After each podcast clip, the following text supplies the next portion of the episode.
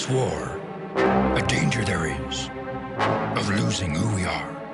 The ongoing stalemate in the war has become unacceptable. The Separatist fleet commanded by General Grievous is headed your way. Goodbye, Jedi! Now you fall, as all Jedi must.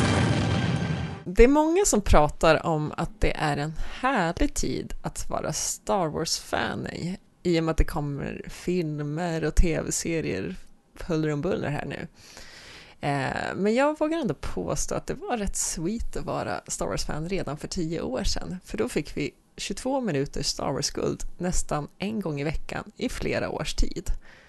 Och för att hylla den tiden och också glädjas lite åt vad som komma skall så kommer vi idag fortsätta vår nedräkning inför när säsong 7 har premiär.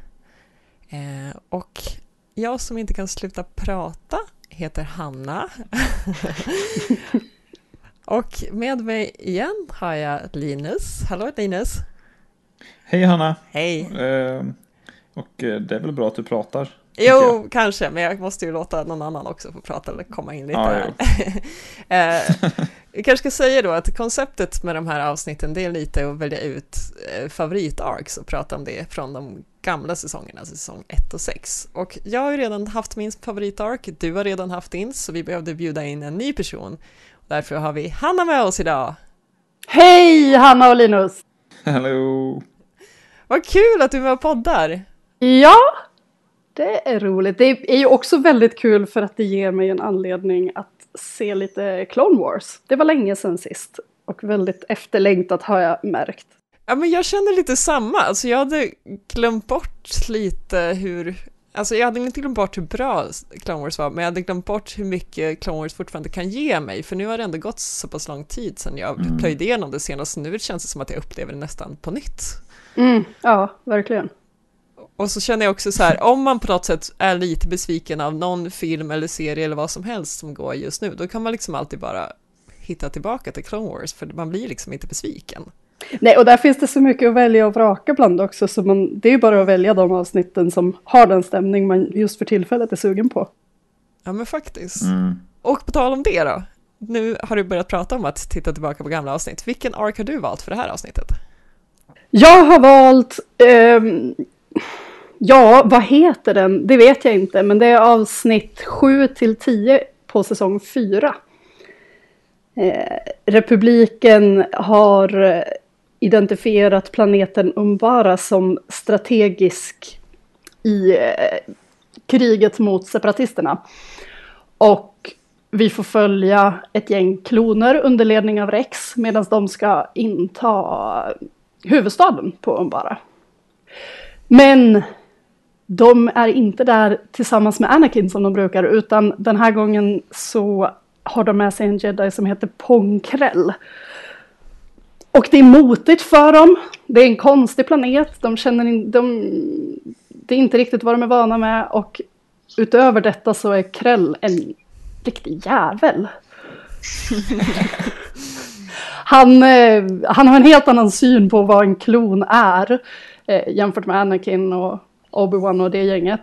Eh, ser dem mer som utbytbara, inte särskilt intelligenta, kanonmat helt enkelt. Och sen så när man tänker att det inte kan bli något värre så visar det sig dessutom att han är ute efter att förgöra klonerna på den här planeten. Ställer dem mot varandra. Ja men det var en jättebra sammanfattning. Eh, vi kan kalla det Umbara-arken kanske för enkelhetens ja. skull. Eller ja. Krell-arken, men Umbara, då, då vet man det. Det, det känns ja. som att det är väl den enda gången vi får se den här planeten om jag minns Ja, rätt. jag tror det. Och enda gången vi får se Krell också. Ja. När jag ska kolla mm. på de här avsnitten så brukar jag referera till det som nu ska jag kolla på krälljävel. så krälljävelbågen. ja, det blir också bra. Sir, if I may address your accusation, I followed your orders, even in the face of a plan that was in my opinion severely flawed. A plan that cost us men, not clones, men! As sure as it is my duty to remain loyal to your command, I also have another duty to protect those men. Men du, Hanna, vad är det som gör att du känner att det här är en så sjukt bra ark? Alltså jag tycker den är bra på så många nivåer. Till att börja med så gillar jag Umbara.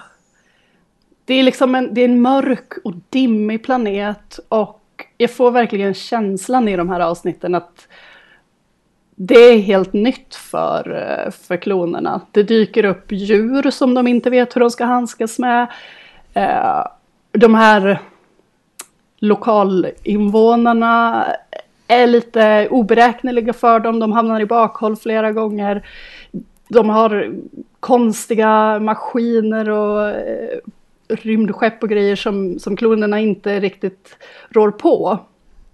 Så att det är liksom en jobbig och kaosig stämning för dem redan från början.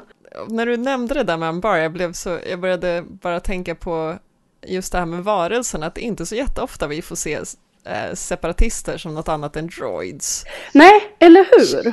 Hur känner ni liksom när, när de, om vi har, man ska säga republiken, den goda sidan kanske, eh, när man ser då de liksom döda, riktiga, levande varelser, känner ni att det liksom blir någon skillnad jämfört med droids?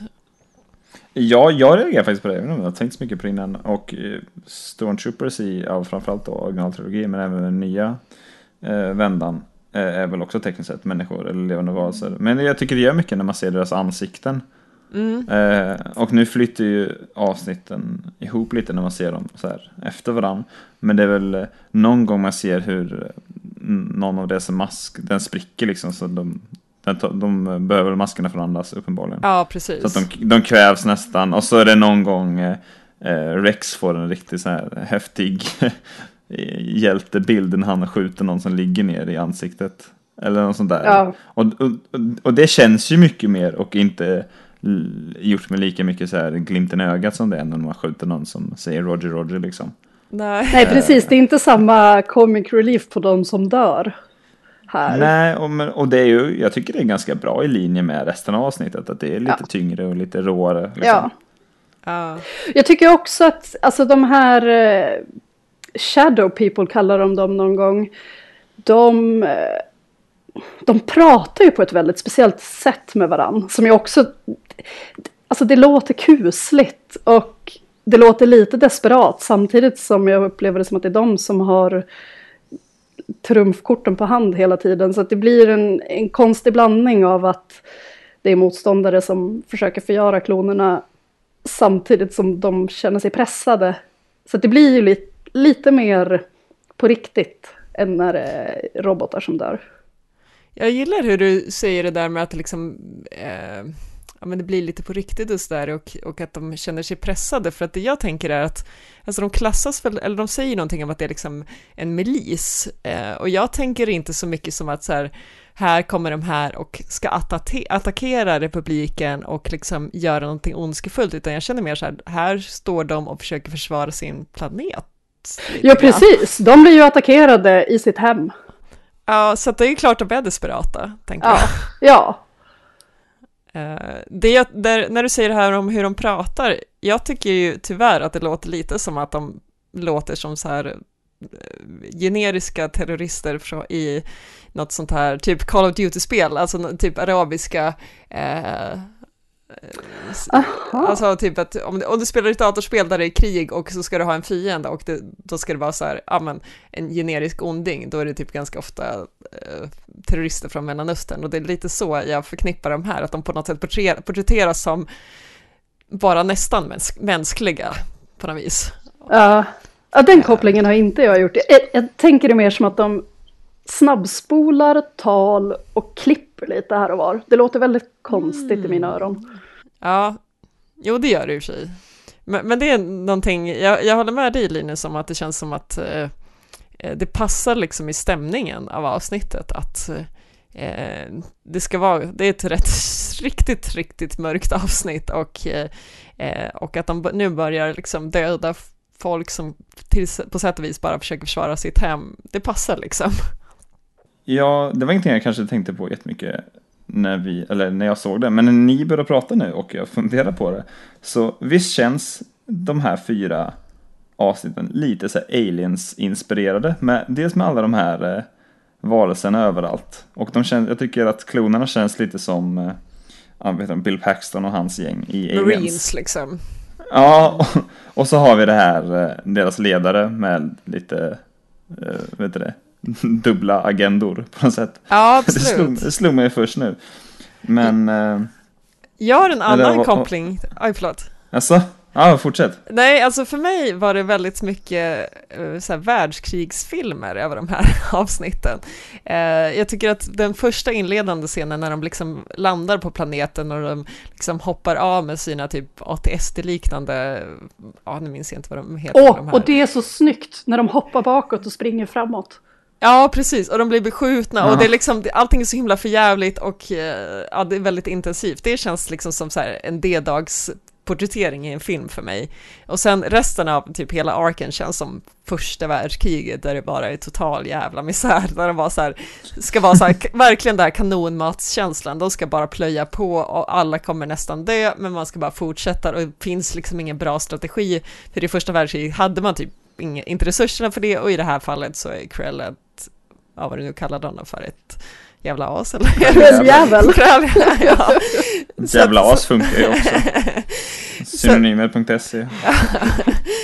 Eh, så att, så att så här, det är så här, väldigt intensiva actionscener, men som ger mig mycket så här världskrigsvibbar på något sätt. Ja, alltså det tror jag knappast kan vara någon, någon slump. Eller alltså jag håller med dig menar jag. Och eh, det är nog ganska friskt eh, lånat. Det, eller det tycker jag man ser på många ställen i Clone Wars. Den här, vet du det, det hyllade avsnittet från säsong 1, det heter Landing at Point Rain. Heter det så? Vilket är det? Nej men, eh, ja vilket är det? Det är, jag tror det är på Geonosis och det är det eh, när, eh, vet du det, Asoka och Anakin tävlar och Kelly tycker de är lite fån, eh, fåniga och så berättar han att han har lyckats döda ännu fler. Det är lite såhär Legolas Gimli grej. De är storm... Ja, Jag är tror det jättemycket stormar? Är det Luminara med kanske? Nej, det här är ja. Det kanske hon... Jag ja, skitsamma i alla fall. Ja. Men okej, det är ytterligare ett sånt avsnitt som jag tycker är ganska så här eh, krigsfilmsinfluerat. Ja. Och jag tror att det finns ganska många sådana avsnitt. Nu kommer jag inte på någon annan. Jo, så men det- så är det väl På rak arm. Men det, det, tyckte jag nästan... eh, Eller så här, det är en ganska uppenbar liksom eh, pastisch. Men jag tycker att det är mer... eh, Att, att det stör inte mig på något sätt egentligen. Nej men jag tycker lite. att det funkar väldigt bra också för att klonerna existerar ju för att kriga. Och att då få se dem agera väldigt soldatmässigt sådär. Dra, dra sådana klyschrepliker och klyschsvepningar över landskapet. Det, det passar bra. Passar i stämningen. Mm. Jag är faktiskt lite förvånad Hanna att det här är liksom den arken du valde för att du brukar liksom annars vara lite tveksam till när det blir lite för mycket action i Star Wars och är det någonting det är gott om i den här fyra avsnitten så är det ju action och så här extremt så här välregisserad och snygg action Ja. men fortfarande väldigt mycket action. Men det, alltså min allergi mot action är ju eh, när jag tycker att det ersätter handling. Här har de ju lyckats ha action och handling. Det handlar inte bara om jag att det ska vara balla scener. Och jag, jag älskar hur, hur det är kombinerat med väldigt mycket grubblerier för klonerna. Att å ena sidan så är ju deras syfte att eh, kriga för republiken. De, de är soldater, det är det de är. Å andra sidan så har de nu en, en general i Krälljävel som säger åt dem att ge sig in i striden på ett sätt som de bedömer som ett säkert sätt att dö. Och de inre kvalen som de får kämpa med där. Å ena sidan, ja, är det en jedi som säger åt mig att jag ska gå ditåt och skjuta runt omkring mig, då är det det jag ska göra. Å andra sidan, jag kommer dö om jag gör det. Jag vill inte dö. Och mina bröder kommer dö också. den delen. Precis, precis. Det är ju väldigt mycket lojaliteten mot sina brödrakloner som speglas i det där också. Jag kan ha fel, men det känns som att det här är första gången vi får se just det här problemet eller deras dilemma, att så här, de vill inte lyda order. Och att liksom till och med börja vägra göra det. Ja, jag tror också att det är första gången. Och de tacklar det ju på olika sätt. Att vissa av dem säger ju blankt nej. Eh, vi har Dogma som vill följa order fullt ut. Och så Rex någonstans där mittemellan som å ena sidan jag vill skydda eh, resterande kloner. Å andra sidan jag måste följa order. Å ena sidan vi kommer dö om vi gör det här. Å andra sidan det är det vi är till för. ja. och sen har vi Faiz liksom åt det andra hållet då. Som, Ja. som helt vill liksom vägra och få med Ja, sig lite folk på det. Precis. Nej, för jag tänker lite att alltså, i samband med eh, att eh, Episod 3 hade premiär Mm. eh, så liksom reagerade ju många väldigt starkt på att liksom, hur kan klonerna bara eh, döda jedis? Och jag minns att man liksom då fick förklaringen att liksom, de är så lojala eh, så att det här är inget jättekonstigt för dem och det, jag tror till och med att man liksom fick reda på vad de olika orderna heter och vad de har för, liksom, vad de betyder, att det finns liksom en order 65 och en order 67 och liksom eh, alla, alla, de ska alla följas blint. Och liksom någon kan till exempel vara att Palpatine måste avsättas till exempel. Och i det här fallet så är det om Jedi-orden plötsligt eh, blir en fiende, ja då ska man göra på det här sättet.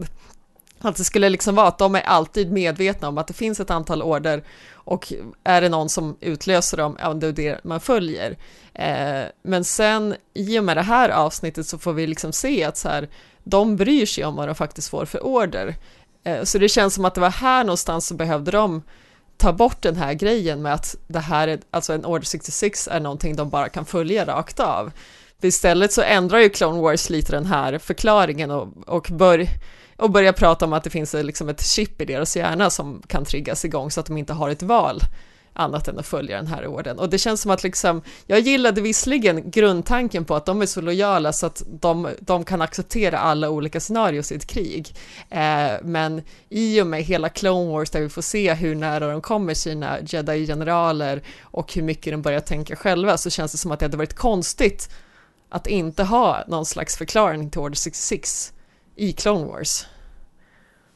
Förstår ni lite vad jag är inne på? Alltså, Ja, det där tycker jag var en väldigt intressant spaning. Jag har inte tänkt i de banorna själv, men, men det känns väldigt rimligt det du säger. Alltså, jag, jag har nog tänkt en del på det och gjorde ganska mycket på det när den här sjätte säsongen kom med det här chip, den chip-historien. Eh, Det är väl de första typ två eller tre avsnitten dessutom Ja, tror jag. precis. Eh, Med de här systrarna. Och vilket jag visserligen tycker är ganska bra avsnitt. Men sammantaget tycker jag, att de är, tycker jag på något sätt att de är lite onödiga. För att det, det är aldrig någonting jag har saknat egentligen. För att jag tänker mig att de som faktiskt kommer nära sina jedi-generaler, eller jedi-riddarna liksom. Det är mest de vi ser i, de är undantag liksom, de ser vi ju i serien. Det liksom är Fives och Rex och Hardcase och vad de heter. Och eh, har någon så här undermedvetet tänkt att de som satte sig emot att skjuta jedi-riddare, de blev skjutna själva. Bara att vi inte såg det. Ja, okej. Eller så, Fast så får jag ändå se till exempel Commander Cody genom hela Clone Wars eh, Ja, han är ju möjligen Som är nära Ob- Obi-Wan. Eh, Ja, han skjuter har ju utan att Bly till blinka. exempel. Ja, han var okej. Ja. Eh, ja, precis. Men, Nej, men jag skulle säga ehm, Bly och uh, vad heter hon, Ayla Sakura är också väldigt nära både i Mm. Clone Wars och, Och i serietidningar och sånt där. Ja, men precis. Så att, eh, ja, det är det Wolf som är hans, Mm, eller nu jag tror det. Eh, så att, så att liksom det är ändå ganska många som är tajta och nu i och med Obare så får vi ändå se att så här, ja, de har någon slags idéer om när man ska följa order och inte. Mm. Jag var ju också för lite skeptisk till chip-historien från början, för det liksom passade inte riktigt min egna idé om det hela, men, men jag känner nog att det hade känts konstigt om de bara avslutade det här utan någon, någon slags förklaring. Ja, alltså jag tycker egentligen avsnitten är bra, men eh, alltså, det, det gav mig lite så här eh, förklaring till någonting jag nästan inte behövde en förklaring till. Liksom. Det är mer, mer den grejen. Sen så köper jag det ändå liksom. Eh, men någonting som jag, nu är vi ändå jäm, eller vi var inne lite på, eh, vet du det, influenser och så till serien. Och nämligen han som har skrivit den här, eh, de här fyra avsnitten. Han heter Matt Michnovets, eller något. Eh, och han har skrivit sju Clone Wars-avsnitt och det är de här fyra och de tre Citadel-avsnitten som vi pratade om förra veckan. Det är det enda Clone Wars han har gjort. Jaha, okej. Som också jäkla extremt kille. mycket våld och action. Ja, eller hur? Han går Vad rakt sjukt. på sak. Ja, verkligen. Ja. Men det får man ju, det var ju eh, nästan eh, prickfritt då, får man nästan kalla hans Clone Wars. Ja. Helt Sekor, Eh, riktigt bra. Eh, Kommer han vara med någonting i eh, säsong sju? Alltså, vad jag har förstått så är säs- säsong 7 ganska hemlig än så länge. Ja. Alltså den är en månad bort. Vi har ju ja, vi har fått en trailer liksom för ganska länge sedan dessutom och den var rätt sparsam väl. ja. Eh, Så är det känns bara som att- en trailer vi har fått? Ja, det kanske är. Det, det var ju den där teasern som kom med hjälmarna. Som, Ja, just när det. de Ja, berättade att just den det. skulle komma. Ja. Och sen en trailer efter det. Mm, det stämmer. Men eh, inte Ja, så mycket mer. Bara för att jag går in och kollar nu på IMDB. Så finns det en liten synopsis till det första avsnittet. på Jaha, säsong okej. 7. Men avsluta, avslöja ingenting. Nej då. Det- Jag Men vill för inte de som vill. mycket. Ja, precis. Vi kommer väl antagligen komma tillbaka till säsong 7 kan jag tänka mig någon gång i sommar när Disney Plus har kommit till Sverige. Så alla har Det tar väl för givet tror jag. Ja, känns som att det blir mera prat då. Eh, men tillbaka Yes. till den här arken kanske. ja. Ja, Eh, vi pratar lite om det här, liksom, ja men hela grejen att klonerna behandlas extremt dåligt och eh, liksom förväntas bara dö och så. Eh, jag minns när jag såg den här arken första gången, det var ju när den liksom faktiskt sändes, det var en gång i veckan och jag har någon Mhm. slags minne av att jag liksom inte från början förstod direkt att han var en Sith eller en Sith, liksom Sith wannabe, eh, utan att han kanske bara hade en väldigt obehaglig syn på klonerna. Men jag vet inte så här, minns ni hur ni tänkte kring det där? Var det uppenbart för er eller? Nej, jag, jag har funderat på det där nu när jag har kollat. Och i början, alltså på något sätt ger den ju ett obehagligt intryck redan från start. Um, och det vet jag att jag reagerade på att så, här, ja men vad roligt att de har gjort en jedi som, som verkar lite dålig. Fast han är en av de goda. Eh, sen märker man ju ganska direkt att han har en tveksam syn på kloner. Och då var väl jag inne på din linje, Hanna, att det var inte mycket mer än så. Mm. Sen börjar man ju fundera i sista avsnittet när han styr eh, kloner mot varann. Då är det kanske ganska Och, uppenbart. och säger till båda sidor att det är era fiender som har klätt ut sig. Eh, ja men då känner man ju så här, men vad, vad fan är det här? Eh, så där, De hintar ju om det i kanske avsnitt två eller något sånt där, när man får se hans liksom gyllenbruna, gli- så här, vad ska man säga, ja, hans ögon som, som Ja, glänser på det här precis. typiska Sith-viset. Så att där kunde man kanske ana, men det var nog, fram tills dess åtminstone så tänkte jag det, som att det här är bara en jedi som, som har en eh, väldigt obehaglig människosyn liksom. Ja men och känslan jag fick där var lite så här känslan av när man var liten och gick i skolan och hade en lärare som man hade en bra relation till. Hela klassen hade en bra relation, man visste vart gränserna gick och sen så kommer det in en vikarie som är sträng. Ja, jag förstår precis vad du menar. Och jag, jag kände att det var lite den grejen som, som hände där och det kändes väldigt jobbigt för klonerna men att det bara visade att så här, vi får se kloner som, som har en viss relation till sin jedi-mästare men nu slänger vi in en annan jedi för att visa hur det ser ut för kloner överlag. Fatta att gå just från Anakin som är liksom den mest liberala av alla generaler till, eller han kanske inte är general, men ja, ledare åtminstone, eh, till att ha? Krell liksom. Ja, han kanske är det. Jo, det måste han vara. Eh, alltså det, det känns ju inte som att det kan finnas ett större hopp mellan Nej. två ledare än just de här två. I varje fall åtminstone i början när man också tänker att han bara är väldigt så här sträng och by the book eh, Ja, liknande liksom. ja men precis. Eh, men det jag tänkte på var att liksom det är ju som att klonerna reagerar på att han uppenbarligen är obehaglig eh, och konstig och fel, eh, men det är Mm. ju inte som att de direkt fattar att så här, han är ond. Och jag tänker liksom att så här, de kanske har fått se och höra så mycket skit om klonerna så att de ändå kan på något sätt köpa att så här, ja, det finns några som är riktiga as liksom. Alltså om man tänker, vi pratade om i första avsnittet liksom när de blir tränade till exempel av en Bounty Hunter, att så här, jag tänker mig att så här, det har nog i deras liv hintats lite här och där om att kloner anses vara liksom lägre stående. Så även om de blir extremt upprörda över det så känns det som att de ändå på något sätt finner sig i att det är så här det kan vara. Ja, och samtidigt så har han ju trots allt ett, ett gott rykte, eller, eller så här verkar framgångsrik i alla fall, även om han har liksom höga, vad är det de säger, casualties, casualty numbers. Ja, precis. Så verkar han ju ändå liksom vara, de kallar honom till och med att han, han är en erkänd krigshjälte, säger de väl i första avsnittet till och med. Gör de inte det?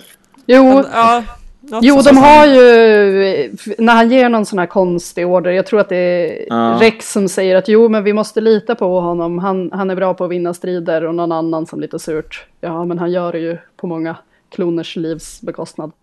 Ja, jo. Så att han kommer ändå in med någon sorts status liksom. Ja, Eh, och det är väl nästan det som gör att det är lite läskigare. Eller så här, för Rex litar ju mycket på honom för att det och för att Rex är Rex liksom. Men hade det kommit in någon, någon, någon riktig så här tjomme som de inte vet vem det är så hade de kanske reagerat lite hårdare. Eller så, så, eh, så läste jag det i alla fall. Ja, att men de jag var villiga att ge honom chansen för att liksom Krell är Krell liksom. Det är ändå ett Ja. namn. ja men jag tänker att de kanske också vet att Anakin är lite liberal. Eh, Så att när, Ja, när ja. Krell kommer så först blir de lite förvånade att så här, oj, här var det strama tyglar, men, men inser också att okej, men det kanske snarare är det här som är att följa protokollet än vad vi är vana med. Ja, men verkligen. Men har ni tänkt på hur obehagligt det är att liksom Krell har fått köra på och på sitt sätt och haft då de här höga dödstalen och det är liksom ingen som riktigt har liksom gjort något åt det. Mm. Alltså så här att det här har på något sätt ändå accepterats för att man har tittat på sig, ja men han, han, så här får ju liksom bra resultat på något sätt. Men det känns som att så här, någonstans skulle man vilja ha en liten statistiker som sitter i jedi-templet och bara, men vänta nu här, så här varför, är, varför dör tre gånger så mycket kloner i hans eh, liksom grupper? Eh, Men det känns som att han bara liksom, man vet om att, eller liksom om man gräver lite så ser man ju, som de här klonerna gör, att man ser att det är höga casualties, men att han får liksom ändå bara köra på på sitt sätt. Eh, Utan att någon Mm. riktigt kommenterar och det tycker jag är lite creepy. Ja, man, man blir väldigt nyfiken på att se mer av honom faktiskt, eller bara veta mer om honom. Och det går säkert i och för sig. Men, Ja, eh, och jag skulle nog framförallt vilja veta mer om honom i relation till andra jedis. ja, jo.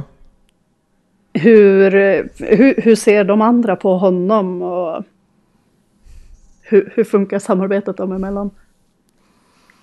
Sen tänker jag att den här Umbara-arken, den känns ju lite som att den är liksom hans slut, slutprov på något sätt. För han pratar ju om att säga, jag ska liksom leverera Umbara till Duke och då- då ska jag bli hans apprentice. Och då undrar jag lite så här, ja, alltså i och med att han haft så mycket, så höga dödstal, har han liksom i varenda grej han gör försökt eh, så här sumpa liksom sitt Ja, precis. uppdrag, Hur länge liksom, har det pågått?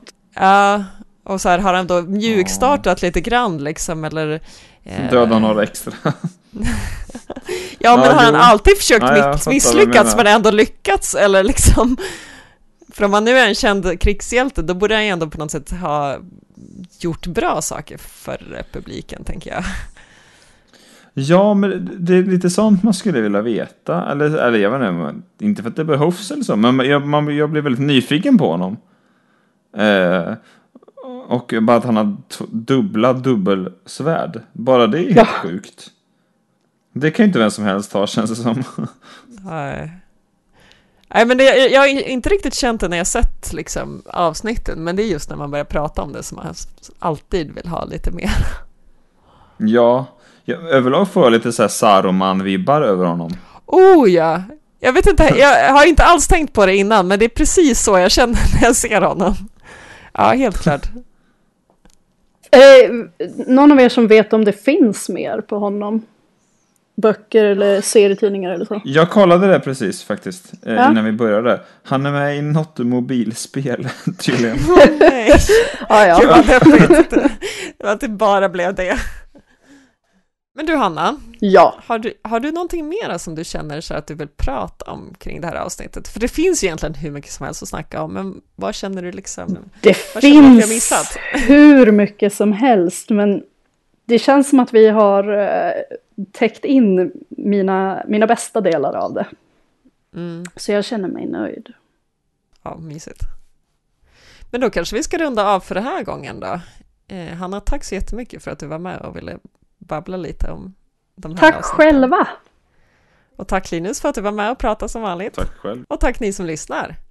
Ha det så bra. Hej då! Hej då! Hej då! Roger, roger, roger, roger, roger, roger, roger.